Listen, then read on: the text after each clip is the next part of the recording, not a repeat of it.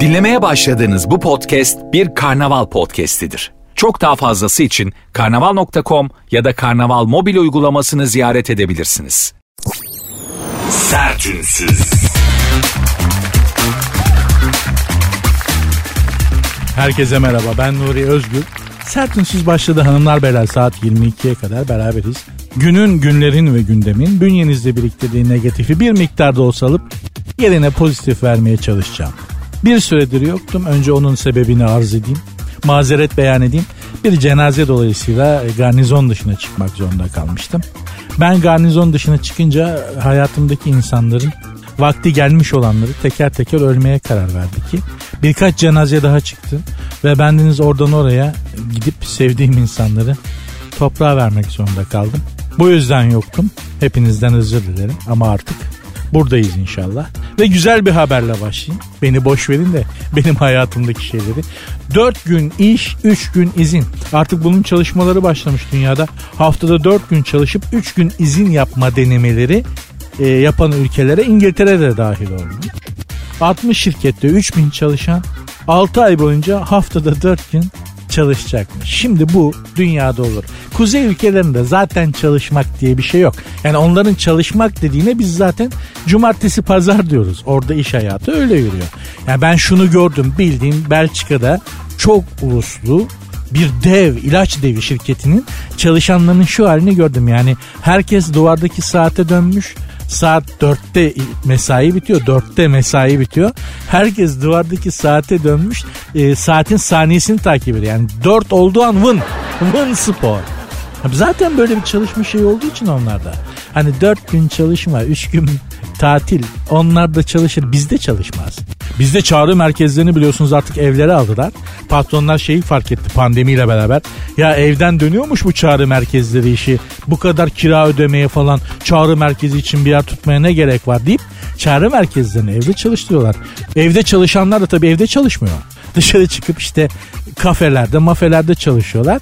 Ben geçen gün o zincir kafelerden birinde program için notlar çıkarırken hemen yanımdaki arkadaş çağrı merkezini cevap, çağrı merkezi personeli ve bir çağrıyı cevapladı. Bir zincir kafede beraber kahvelerimizi içerken yanımda oturan arkadaş müşteri iç çamaşır almış. Çok affedersiniz erkek müşteri boxer almış. Paçaları bolarmış. paçaları bolarmış, gevşemiş gelmiş boxer. Bunu benden önce kim giydi kardeşim utanmıyor musunuz bunu bana satmaya diye. Yanımdaki de efendim sakin olun bir yanlışlık olmuştur diye don alışverişine şahit olduğum bir zincir kafede yanındaki çağrı merkezi personeli buna cevap veriyordu. Hayat bu hale geldi. Bunun bile suyu çıktı bizde 4 gün iş 3 gün tatil on bizim bünye kabul etmez.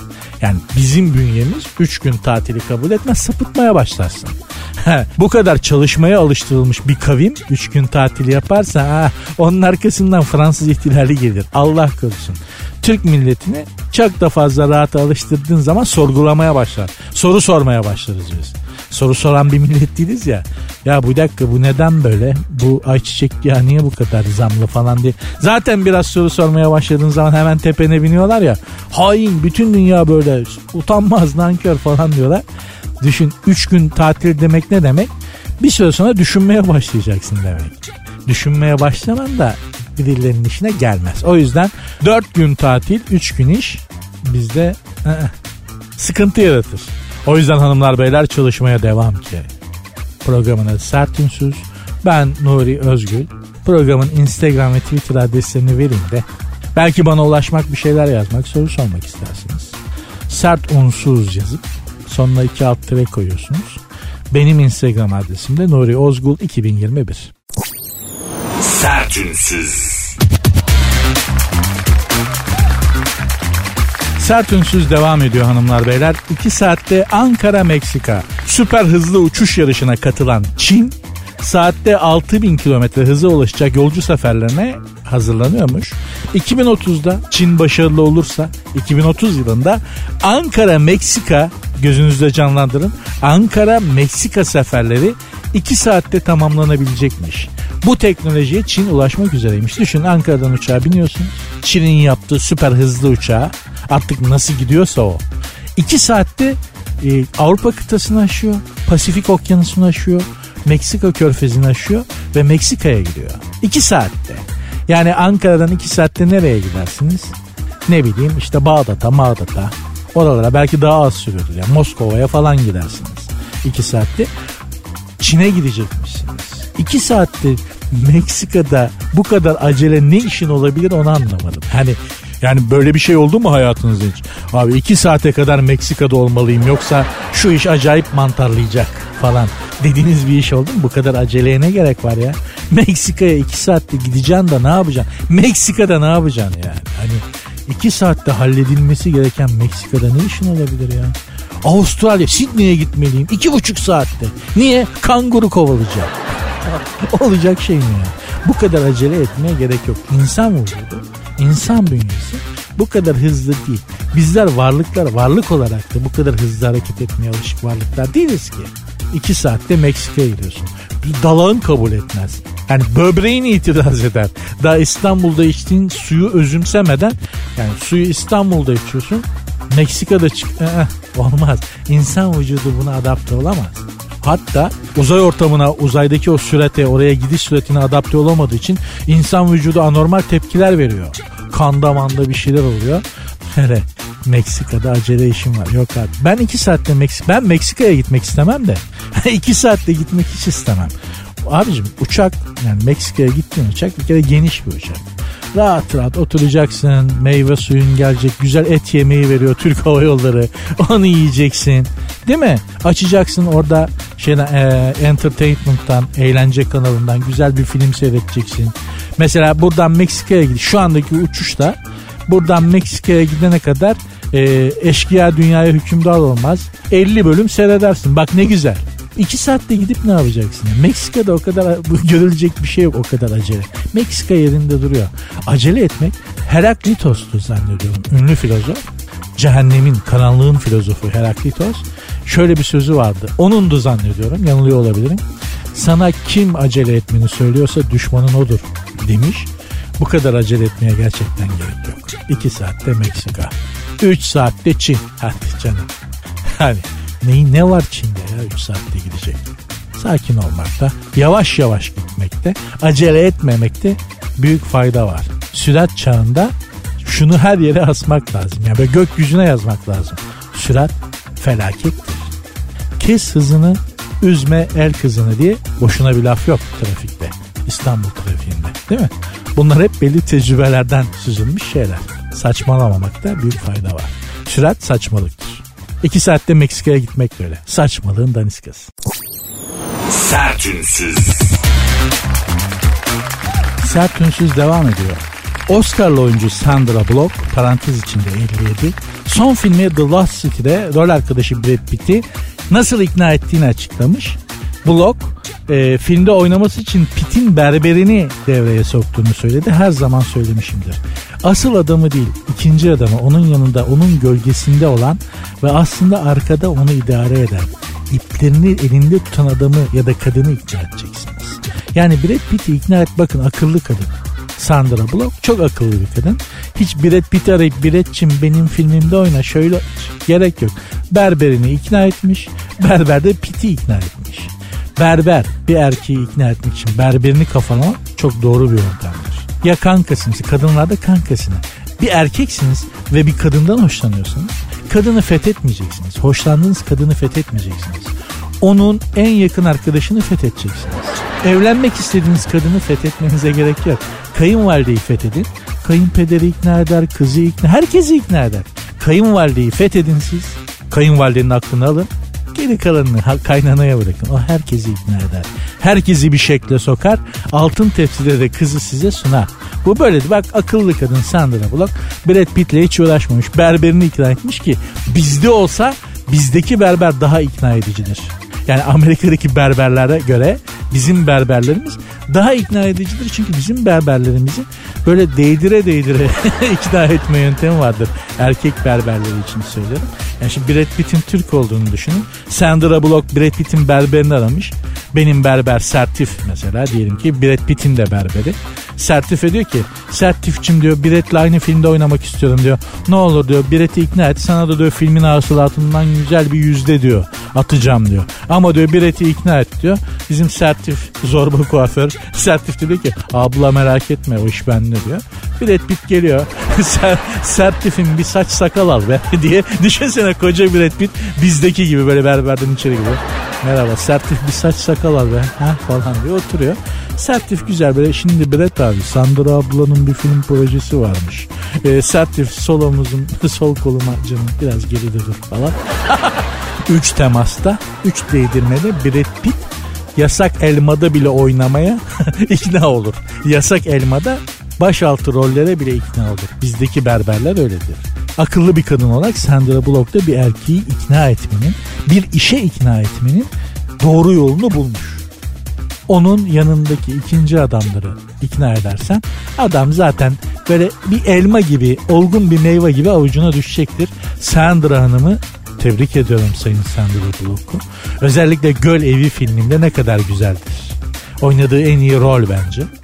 Eğer e, hanımla ya da sevgilimle e, bir film romantik yapayım, güzel böyle romantik bir film izleyeyim diyorsanız Sandra Bullock'un oynadığı Göl Evi filmi aşıklar sevgililer için çok böyle şeydir. Ben de çok güzel geri dönüşünü almıştım vaktiyle. Ekmeğini yediğim bir filmdir de o yüzden söylerim. Yapıp filmin finaline doğru başını omuzuma koyan kız arkadaşım. Aha yani güzeldir. Savunma duvarlarını indirtir falan. Şeytani bir şey söyledim belki ama güzel romantik yapmak için güzel bir filmdir. Sandra Bullock'un görevi. Ayrıca da hanımlara da bir örnek olsun diye söyledim bir erkeği bir iş yapmaya nasıl ikna edersiniz? Kendisiyle uğraşmaya gerek yok. Anlatabiliyor muyum? Etrafındakileri, kankalarını, berberini falan ikna edeceksiniz. O sizin için geri kalanı halledecek. Sertünsüz. Sertünsüz devam ediyor hanımlar beyler. Ex sevgiliye laf sokmak. Kim yapmış bunu? Sevgili e, Mehmet Coşkun Deniz'in Aşk Doktoru isimli köşesinden okuyorum. Milli voleybolcumuz Ebrar Karakurt'un ayrıldığı sevgilisi İmge'nin başka biriyle birlikte olması üzerine paylaştığı sözler hiç Mehmet Coşkun Deniz'in hoşuna gitmemiş. Ebrar ayrıldığı sevgilisinin başka biriyle birlikte olduğunu gelince sosyal medyada şöyle bir mesaj vermiş. Prenses yaptığım kurbanın canı elbet sinek isteyecekti hem İmge'ye hem de onun işte yeni sevgilisine laf sokmuş Ebrar Karakurt. Bu tipik bir erkek tavrıdır arkadaşlar. Şöyle ben seni unutamadım diye bas bas bağırmaktır bu aslında anlatabiliyor muyum? Yani sen kurbaydın ben seni öptüm prenses yaptım benim sayemde isim yaptın öyle oldun böyle oldun benden ayrı unutamadım diye bas bas bağırıyor. Bu bütün şarkılarda bazı şarkılarda da mesela geçer. Anlatabiliyor muyum? Mesela Masala'dan sonra bir şarkısı vardır ya Bodrum Bodrum. Bir zamanlar aşık olmuştum ama şimdi adı neydi unuttum. Ben ne unuttun serseri? Efsane bir şarkı yapıp içine koymuşsun kadını. Neyi unuttun? Tamamen söylediğin yanan. E, gözlerimi geri ver. Sevmiyorum seni artık. Gözlerimi geri ver. İşte efendim öyle bir sevgili buldum ki seni ona. Evet Neyi unutuyorsun? Unutamamışsın ki şarkı yapıyorsun. Seni unuttum diye şarkı yapılır mı? Seni artık sevmiyorum diye şarkı olabilir mi? Hem sevmiyorsun ha, ama şarkısını yapıyorsun. Hadi oradan. Bu erkekler için çok büyük bir klasiktir. Ayrıldığı kadını ne olursa olsun aradan kaç yıl geçerse geçsin başka biriyle görmek erkeğin çok hoşlanacağı bir şey değildir.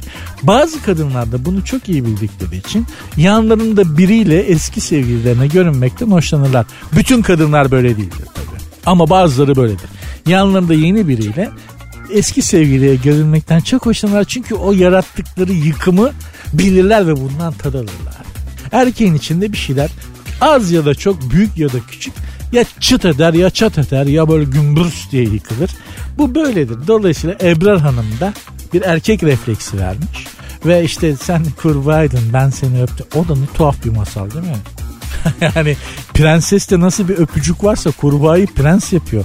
Bu nasıl bir öpme tekniği ya? Yani öğrenelim de değil mi? Lazım olduğunda prenses falan yapacak. Öyle bir öpüyor ki kurbağayı prens oluyor. Şahsen o öpücük tekniğini öğrenmeyi çok isterdim ben. Çok isterdim. Bilen biri varsa da bana yazarsa sevinirim. Programın Instagram ve Twitter adresleri aynı. Sert unsuz yazıp sonuna iki alt tire koyuyorsunuz. Benim Instagram adresim de Nuri Ozgul 2021. Sertünsüz. Sert Ünsüz devam ediyor hanımlar beyler. Ben Nuri Özgül. TikTok yaşı 3'e düşmüş. İngiltere'nin iletişim ofisi e, bütün dünya genelinde bir araştırma yapmış. Yaş sınırı 13 olmasına rağmen çocukların sosyal medya kullanımına ilişkin ne endişe verici sonuçlar ortaya çıkmış. E, TikTok yaşı bir kere 3'e düşmüş. Bence TikTok kullanma yaşının 3'e düşmesinden maden e, TikTok'taki zeka yaşı kaça düştü ona bakmak lazım. Gerçekten bu çok önemli. Yani çok dehşet verici veriler de var. Mesela 3-4 yaş grubunun %16'sı e, TikTok'a doğrudan ya da dolaylı olarak muhatap olmuş. Yani 3-4 yaşındaki bebek artık hani bebeklikten hafiften çıkmış çocuk 3-4 yaşındaki çocuğu tek başına bir yere yollamazsın değil mi? Ama 3-4 yaşındaki çocuklar TikTok'a %16'sı TikTok'a doğrudan ya da direkt muhatap oluyormuş ve bir TikTok videosunu günde bir kere mutlaka izliyormuş. Şimdi sen 3-4 yaşında TikTok'a, TikTok'ta benim gördüğüm o saçmalıklara, zırvalıklara maruz kalan çocuğu istiyorsan Oxford'da yazdır, istiyorsan Cambridge'e yazdır, istiyorsan ikisine birden yazdır. Çocuk moron oldu, bitti o. O çocuk bitti. Çocuğun IQ zaten 3-4 yaşında yerlere indi. Sen ondan artık ne hayır gelir? O, o çocuktan artık süs bitkisi olur. O TikTok nedir ya? Hakikaten. Ya en son şu haberi duydum. İki tane 15-16 yaşında çocuk babalarını arıyorlar. Anneleri ve babaları ayrılmış. Çocuklar annede kalıyor ve babalarını arıyorlar. Diyorlar ki baba gel bize kahvaltı ver. Neden yavrum? Annem çünkü sabahlara kadar gece TikTok videosu çekiyor. TikTok'ta kadın göbek atıp bir şeyler yapıp ve TikTok videoları çekiyormuş.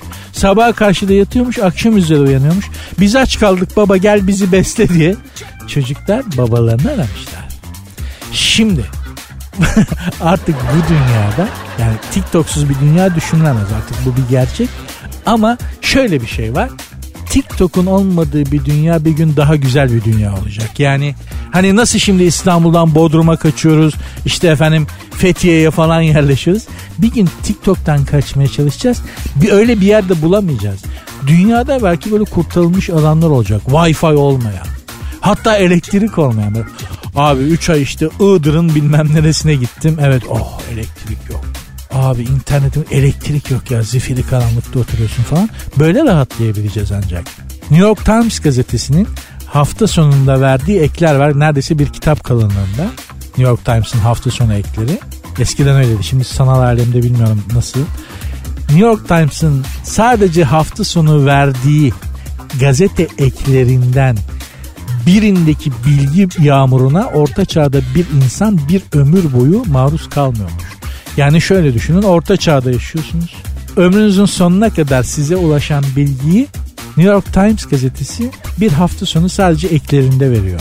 Yaşadığımız çağ böyle bir çağ. Yani beynimizin ırzına geçiriyor. Hanımlar beyler çok özür dilerim ama beynimizin astarının hatta yani o kadar. O yüzden hani yüzünüze gözünüze sağlığınıza dikkat ediyorsunuz ya şu göbeği falan eriteyim diye. Diyet yapıyoruz değil mi midemiz için? Beyin içinde diyet yapmamız gereken zamanlar geldi. Çünkü gökten yağmur değil artık informasyon ve bilgi yağıyor ve yüzde sekseni de saçma sapan ve yanlış. Allah yardımcımız olsun. 3-4 yaşında da TikTok'a maruz kalan çocuktan artık bir şey gelmez bir tane daha yapın. Onu da TikTok'a maruz bırakmayın lütfen. Lütfen. Sertünsüz. Kısa bir magazin turu yapalım mı? Yapalım. Akünün suyunu boşaltmakta fayda var hanımlar beyler. Zaten iftarı açtık. Ee, iftar yemeğinin verdiği tatlı bir rehavet var. Şöyle bir kenarda kendimize gelmeye çalışırken akünün suyunu boşaltmakta da fayda var. Sintineyi atalım. Pekala. Uyum içindelermiş. Milano'nun altını üstüne getirmişler. Kim? Hande Erçel ile ablası Gamze İtalya'ya gitmişler. Bundan bize ne demeyin. Gitmişler. Milano'da abla kardeş tatil yapıyorlarmış. Yapsınlar. Bundan da bize ne demeyin. Yapıyorlarmış. Şehrin altını üstüne getirmişler. Bana ne demeyin. Getirmişler. Galeriler, alışveriş merkezleri, kafeler, Milano'da gezmedikleri yer kalmamış. Peki. Ama Hande Erçel'in oyuncu sevgilisi Kaan Yıldırım Milano'da değilmiş. Onlarla gitmemiş. Niye? Çünkü Mevlana dizisi için Konya'daymış. Şimdi Kaan Yıldırım mı şanslı? Konya'da olan Kaan Yıldırım mı şanslı? Yoksa Milano'da olan sevgilisi Hande Erçel mi şanslı? Kaan daha şanslı. Bir kere etli ekmek gerçeği. yani Milano'da etli ekmeği arasan bulamazsın. Yok öyle bir şey. Anlatabiliyor muyum? Etli ekmek Milano'nun yarısı eder zaten. Hani etli ekmek yiyebiliyorsan Milano'da Milano ile hiçbir ülke hiçbir şehir rekabet edemez ama Konya'da etli ekmek. Etli ekmek neredeyse ben oradayım. Etli ekmeği al Paraguay'a götür ben Paraguay'dayım. Böyle bir şey yok. Böyle bir güzellik olamaz. Kaan daha şanslı. Bir de Konya e, Türkiye'nin Roma'sıdır. Yani açık hava müzesi gibi bir şehir Konya. Selçuklu etkisiyle mimari olarak kültürü zaten Hazreti Mevlana Hazreti Mevlana ile beraber gelişen kültür falan. Konya bambaşka bir yer. Türkiye'nin Roma'sıdır diyorum açık hava müzesi gibi bir yer. Konya, Kayseri falan bunlar çok önemli şehirler. E, mimari olarak da açık hava müzesi gibi şehirler. Dolayısıyla Hande'nin yerine Hande ile Milano'da mı olmak isterim? Kaan'la Konya'da mı olmak isterim? Kaan'la Konya'da olmak isterim. Hadi Kaan'ım gel şuradan bir etli ekmek yiyek la tuzlu şey tuzlu sodalı ayranla saat gibi gider. Milano'da böyle bir çılgınlık yapamazsın. Milano'da dayarlar sana pizzayı, dayarlar sana böyle iki yudum yapınca biten espressoyu falan. Ha, çevre güzel abi falan diyorsan. Valla Konya'da da çevre güzel be. Konya'da da tarih var hem de Milano'da olmayan tarih var. Ben şahsen Konyacıyım, Kaan'cıyım. Hande ile şeyde boşuna yollamışlar Milano'ya kadar. Milano da güzel. Orayı da severiz ama çok fazla ayak takımı gitmeye başladı be. Öyledir ya biliyorsunuz değil mi? Yani sen neydin ki? Hani vaktiyle oraya giderken sen neydin ki? Böyle bir tipler vardır. Abi çok güzel ya. Paris eskiden güzeldi. Ha, sen gidince bozuldu aslında farkında değilsin. Neyse ikinci e, akünün suyunu boşaltmaya yarayan magazin haberimiz. Sosyetik Sima Gonca Derin'le ilgili. Geçtiğimiz aylarda Gonca Derin hanımefendi Bikini bölgesine affedersiniz kocaman bir Mısır tanrıçası Isis dövmesinin diş hatlarını çizdirmiş. Şimdi tanrıça Isis dövmesi yaptırmış bikini bölgesine. Gözünüzde canlandı mı? Canlandı. Şimdi o tanrıçanın yanında ben olsam çarparım. Yani eğer Isis diye bir tanrıça varsa yani ben mesela düşünün yani bir an için hayal edelim. Isis diye bir tanrıça var. Evet. Sonra senin resmini bikini bölgesine yapıp direkt direkt çarparım ya. Ne yapıyorsun sen?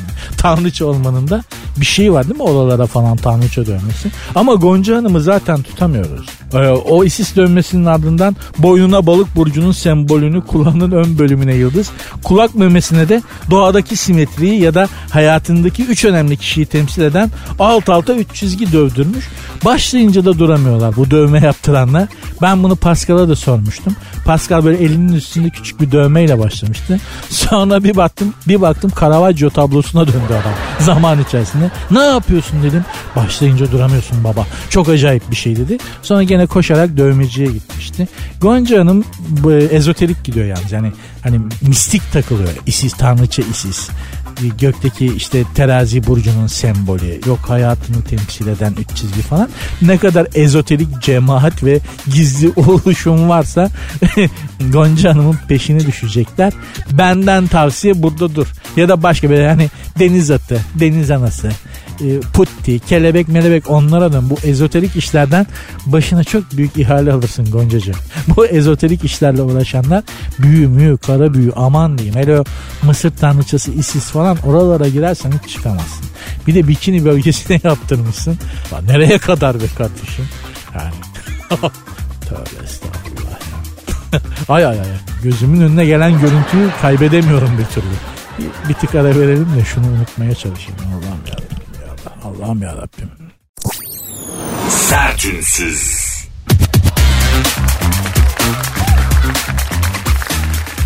Gezegeni seven aşkı buluyormuş. Kimmiş o? Gezegeni sevenler yani bu iklim krizi ve çevresel tehditler insanların farkındalığını arttırmış. Bu ilişkileri de etkilemeye başlamış. Flört ve ilişkiler dünyasının gündeminde de artık çevre hassasiyeti varmış art bir arkadaşlık uygulaması varmış. Onun araştırmalarına göre flört adaylarından iklim sorunlarını önemsemesini bekliyormuş bu şeyler, insanlar. Özellikle hanımlar. Ve o rapordan şimdi size notlar iletiyorum. Dünyadaki en önemli sorunun çevre olduğunu düşünenlerin oranı tüm hastalıkların silinmesini isteyenlerden iki kat daha fazla. Dünya barışı yanıtı verenlerin ise %30'dan daha fazlaymış. Yani dünyadaki iklim problemi işte bütün hastalıklardan bitsin, dünyada barış olsun diyenlerden bile daha fazla. Dolayısıyla da gezegeni düşünüyorsun, iklimle ilgili endişeleniyorsan e, manita yapma şansın daha fazla. Artık bunu Esenler Atış Alanı Güngören tarafına söylüyorum. Arkadaşlar manita yapmak istiyorsanız iklim kriziyle ilgilenin. Okey? Çok net anlatabildiğimi yani yani şöyle düşün. Of of. Yani böyle dalmışsın böyle düşünüyorsun derin derin üzgünsün. Bir kız geldi. Ne oldu dedi. Neden dedi böyle dedi. Kederlisin. Ne oldu sana dedi. Of of ne olacak bu kutup penguenlerin hali dediğin an kız sana al beni koç yiğidim diye boynuna atlıyormuş. Araştırma öyle diyor arkadaşlar. Dünya çapında bir flört uygulamasının araştırması. Ne olacak bu penguenlerin hali Bu tembel hayvanlar ne olacak soyları penguenler falan işte ah pandalar ölüyorlar falan bitiyorlar iguanalar neden böyle falan diye düşündükçe kendi ne oldu Tahsin bugün çok mutsuzsun. Bugün kutupta bir buzul daha koptu. Ya al beni Tahsin falan. Böyle diyaloglar olacakmış artık. Öyle e, arabam var cep telefonum şöyle. Burada yazlığım var burada kışlığım var. Bunlar artık bir şey olmaktan çıkıyor. Anlatabiliyor muyum? Ne için endişeleniyorsun? Ne için e, enerji sarf ediyorsun? Çalıştığın, çabaladığın şey ne uğruna? Bütün bunlar önemli. Yani bunların en önemlisi de işte kadınlara etkiliyormuş. İklim, çevre faktörü ve dünyanın geleceği. Dedim ya yani kutuplardaki buzullar eriyor hayatım diye muhabbet açtığın zaman kadın sana çarpılıyor ya. Artık böyle bir zamana girdik yani. Eskiden masanın üstüne attığın araba anahtarına telefona göre değerlendirirdin. Şimdi kafa yorduğun iklim krizi mevzusu hangisi ona göre yani. Buzullar için endişelenenler en çok etkileyenler yani. Buzullar, kutup buzulları ne olacak? Kutuplardaki buzullar için bir şeyler yapmalıyım dediğinde kadın diyor ki vay adamdaki kalibreye bak, çapa bak. Kutuptaki buzullar için bir şey yapabilecek çapta bir adam bu diyor. Saçma evet dibine kadar saçma ama yani çarşaf gibi haber. Araştırma haberi. Ya da en azından Türk kadını henüz böyle değil. Yani bu herhalde Avrupa'da Amerika'da falan çalışıyordur. Bizim hanımlar henüz bu noktada değiller. İyi ki değiller. Hani iyi ki değiller. Allah razı olsun hiç de böyle olmasınlar ama zannediyorum Avrupa'daki Amerika'daki kadınlarda bu çalışıyor. Bilmiyorum Yakın zamanda Avrupa'daydım, Paris'teydim. Haber elime geçmiş olsaydı bir denemesini yapardım ama bir Amerika düşünüyorum e, gene yakın gelecekte. E, Amerika'da sizin için deneyeceğim bunu. Yani böyle bir motorcu barında böyle e, şaka elimi dayayıp kederli kederli bekleyeceğim. Neyin var diye soranlara da kutuplardaki eriyen buzulları düşünüyorum. Şu an kim bilir kaç bin kilometre çapında bir buzul koptu ve eriyor biliyor musun falan diye. Dur bakayım ya dayak yiyeceğiz ya da çok güzel bir geri dönüş alacağım. Bunu size raporlayacağım arkadaşlar. Merak etmeyin. Sertünsüz. Sertünsüz devam ediyor hanımlar beyler. Ben Nuri Özgür. Ee, 37 dil bilen temizlikçinin halı yıkamacısının beynini bilim adamları araştıracaklarmış. Neden araştıracaklarmış? Yani nasıl oluyor da basit bir halı yıkamacı tahsili yok, terbiyesi yok, okul, mektep, medrese görmüş adam değil. 37 dil birden öğrenebiliyor. Nasıl oluyor diye. Bunu bilim adamları araştıracaklarmış ciddi ciddi. Adamın beynine bakacaklarmış. Büyük hata. Yani e, bu adam nasıl oluyor da 37 dil biliyor'nun araştırması adamın beyninde yapılmaz. Onun etrafındaki kadınları araştırmak lazım. Çünkü bir erkek eğer etrafında kadın yoksa gelişmez bizi değişmeye, gelişmeye zorlayan tek bir şey var kadınlar. Bir kadın olmasın hayatınızda. Yani bir tane. Yani hiçbir kadın yoksa annen seni zorluyor anlıyor musun değişmeye? Biraz daha ileriye gitmeye. Ya bu ne pislik çoraplarını oraya atmaya yıkan her gün yıkan temizlen. Şimdi bıraksalar yıkanmayacaksın da. Hani erkeği bıraksan mağaraya doğru hemen döneceğiz biz. Hani evlerden falan böyle şehirleri terk edip direkt dağlardan mağara arayacağız. Çünkü orada rahattık. Biz erkekler, hanımlar. Yani mağarada falan çok rahattık. Loş, serin, yazın serin, kışın ılık, ateş var. E, lazım oldukça et buluyoruz. Bir tane dandik artık pösteki bağladıysak belimize hayvan post. Tamam bize yeterdi. Bizim için bizim mutlu olmamız için mağara, ateş ve et ve belimize bağlayacağımız hayvan postu bizim mutlu olmamıza yeterdi. Ama siz ne yaptınız? Niye dediniz bu toz toprağın içinde dediniz, çoluk çocuk dediniz pislik içinde büyüyor. Ne bu hayvanlar gibi yaşıyoruz.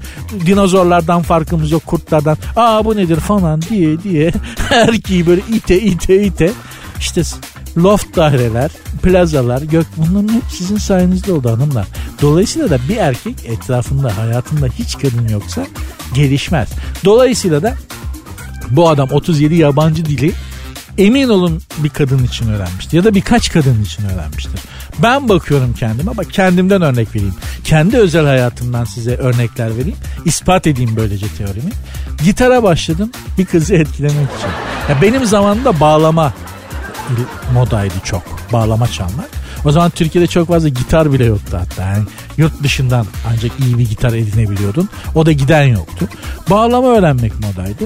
Ben bir kızı etkilemek için bağlama öğrendim. Sonra tiyatro ile ilgilendim. Halk Eğitim Merkezi'nde amatör tiyatrolar kolunda tiyatro eğitimi aldım. O da bir kızı etkilemek içindi. Gitara başladım. Kızı etkilemek içindi. Yazarlık yani yazma çizme güzel yazma güzel konuşma. El yazımı düzelttim mesela günlerce el yazısı e, işte şey çalıştım kaligrafi çalıştım. Bir kızı etkilemek için de o. El yazım güzel olsun. Ya bunu ya ne yazıyorsun ya okuyamadım ya ne kadar kötü yazım var dedi. Ve ben ondan sonra kaligrafi çalıştım günlerce. Bak hep birilerini etkilemek için yapmışım bunları. Bana bıraksan benim gitarla ne işim olur ya? Bana ne la minörden mi majörden. yani inanın umurumda değil. Umurumda olmaz ya. Fransızca öğrenmişim. Ya Fransızcamı mükemmelleştirdim. Kurslara gittim şunu yap. Bak hep kızların yüzünden. Gittiğim kursta mesela güzel bir kız vardı. Derste ona rezil olmayayım diye Fransızca asıldım. Ana dilim gibi yaptım. Ya hep kadınlar içinmiş ya. Emin olun pek çok erkeğin de öyle. Dolayısıyla bu adam nasıl oldu da bunu yaptı, nasıl başardı diye araştırıyorsanız o adamın kendisini araştırmayın. Etrafındaki kadınları araştırın. Zaten ne yaptıysak onlara beğendirmek için. Onunla ya da onlara layık olabilmek için yaptık. Ya da yapamadık. Ama biz kaynaklı değil yani onu biliyorum. Bizi bıraksan biz mağarada iyiydik. yani çok net. Mağarada çok rahattık. Sertünsüz. Gidelim de nereye diye sormuş sevgili Mehmet Coşkun Deniz. İstanbul artık yaşanacak gibi değil. Bir sahil kasabasında bir yer bulsak da gitsek hayalleri kuruluyor hala biliyorsunuz. Ve fakat Mehmet Coşkun Deniz bir araştırma yapmış. Gitmeyi hayal ettiğimiz o sahil kasabaları işte Bodrum, Fethiye, Kaş, Kalkan, Hani Mor, Doğan, Bozburun falan filan. Buralar artık hem İstanbul'dan daha kalabalık hem de İstanbul'dan daha pahalıymış. Yani artık Bodrum, Fethiye, işte Kaş, Göcek buralar bir İstanbul oldu. Tam tersine İstanbul geriye gitti kasabalaşmaya başladı. Ee, Bodrum ve bütün civardaki tatil yerlerinin hepsi sahil kasabaların hepsi hem İstanbul'dan daha kalabalık İstanbul kadar kalabalık hem de daha pahalı. Dolayısıyla hanımlar beyler ya bu şehirden gitmek lazım ama nereye diye soruyorsanız artık mutluluk İç Anadolu bölgesinde bir Bozkurt kasabasındaki köyün ahırında. Bizi ancak orası patlar. Gerçekten artık orası patlar. İnsandan mı kaçıyorsun? İç Anadolu bomboş ya. Kırşehir, Kaman, Maman. Oralar bomboş ya. Çankırı. Işık yok, ıldırık yok, insan yok, hiçbir şey yok. Ama deniz de yok. Yani su kenarı istiyoruz ya illa nedense sahil kasabası. Sanki çok denizci milletmişiz gibi. Yarısından fazlası yüzme bilmeyen bir milletiz halbuki yani. yani denizde çimen değil. Yüzen insan sayısı çok az. Git bir plaja bak. Yani çok geniş kitleler çimiyorlar. Yüzebilen çok az. Yüzdüğünü zannedip çimenler de var ayrı konu. Yani sonuç itibariyle denizci bir millet değiliz. Suyla aramız çok iyi değil ama yaşamak için nedense su kenarında seviyoruz. O iş bitti. Oralar artık İstanbul'dan beton oldu. Ya Bodrum'a git hakikaten canını okumuşlar yani. Her yere ev koymuşlar. Yani iki kayanın arasına böyle adam ev domatmış anlıyor musun? Her yere koymuşlar. Artık Bodrum'da bir yer kalmamış. Ümraniye'den beter olduğu için sahillerin canına da okuduk. Evet ihale İç Anadolu. Artık İç Anadolu'da sessiz sakin tenha bir köyde bir ahır bulacağız böyle davarların arasında yaşayacağız. Bundan sonra artık şehirden kaçışın yolu bu. Kaçacak başka bir yer kalmadı. Karadeniz yaylalarına ve sahillerine de Arap kardeşlerimiz çöktüler. Trabzon havaalanına bir gidiyorsun Trabzon'a. Trabzon'da mıyım? Cidde'de miyim? Vallahi bilmiyorum. Riyad'la Trabzon arasında çok büyük bir fark yok artık yani. Oralara da Arap kardeşlerimiz çöktü.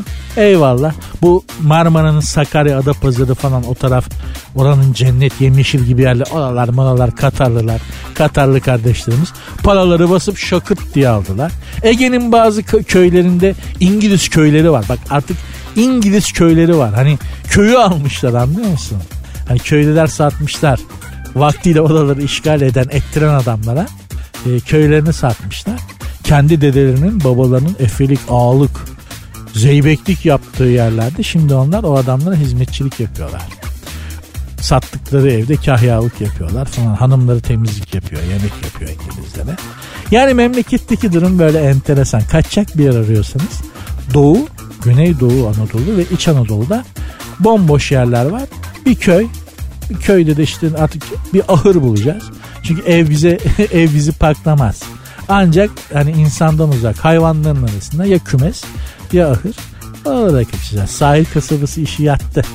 En fazla Kızılırmak'ın kenarı. Oralar da yani ırmakla baş edemezsin. Su alır götürür. Denize benzemez. Yapacak bir şey yok hanımlar beyler. Ben bakıyorum şahsen. Kırşehir, Kaman o taraflardan böyle bir sessiz sakin bir köy bulabilirsem böyle ağacı mağacı kavak ağacı da olan oralara kapağı atacağım. Bodrum bodrum artık bize gelmez. Sertünsüz. Yetenekli insanlara zaafım var demiş. Kim? Aleyna Tilki demiş. Ve bana Aleyna'nın sonundaki A'yı uzat, uzatıyorsun. Yanlış diyorlar. Hayır doğru. Aleyna. O A biraz uzun. Arapça bir isimdir.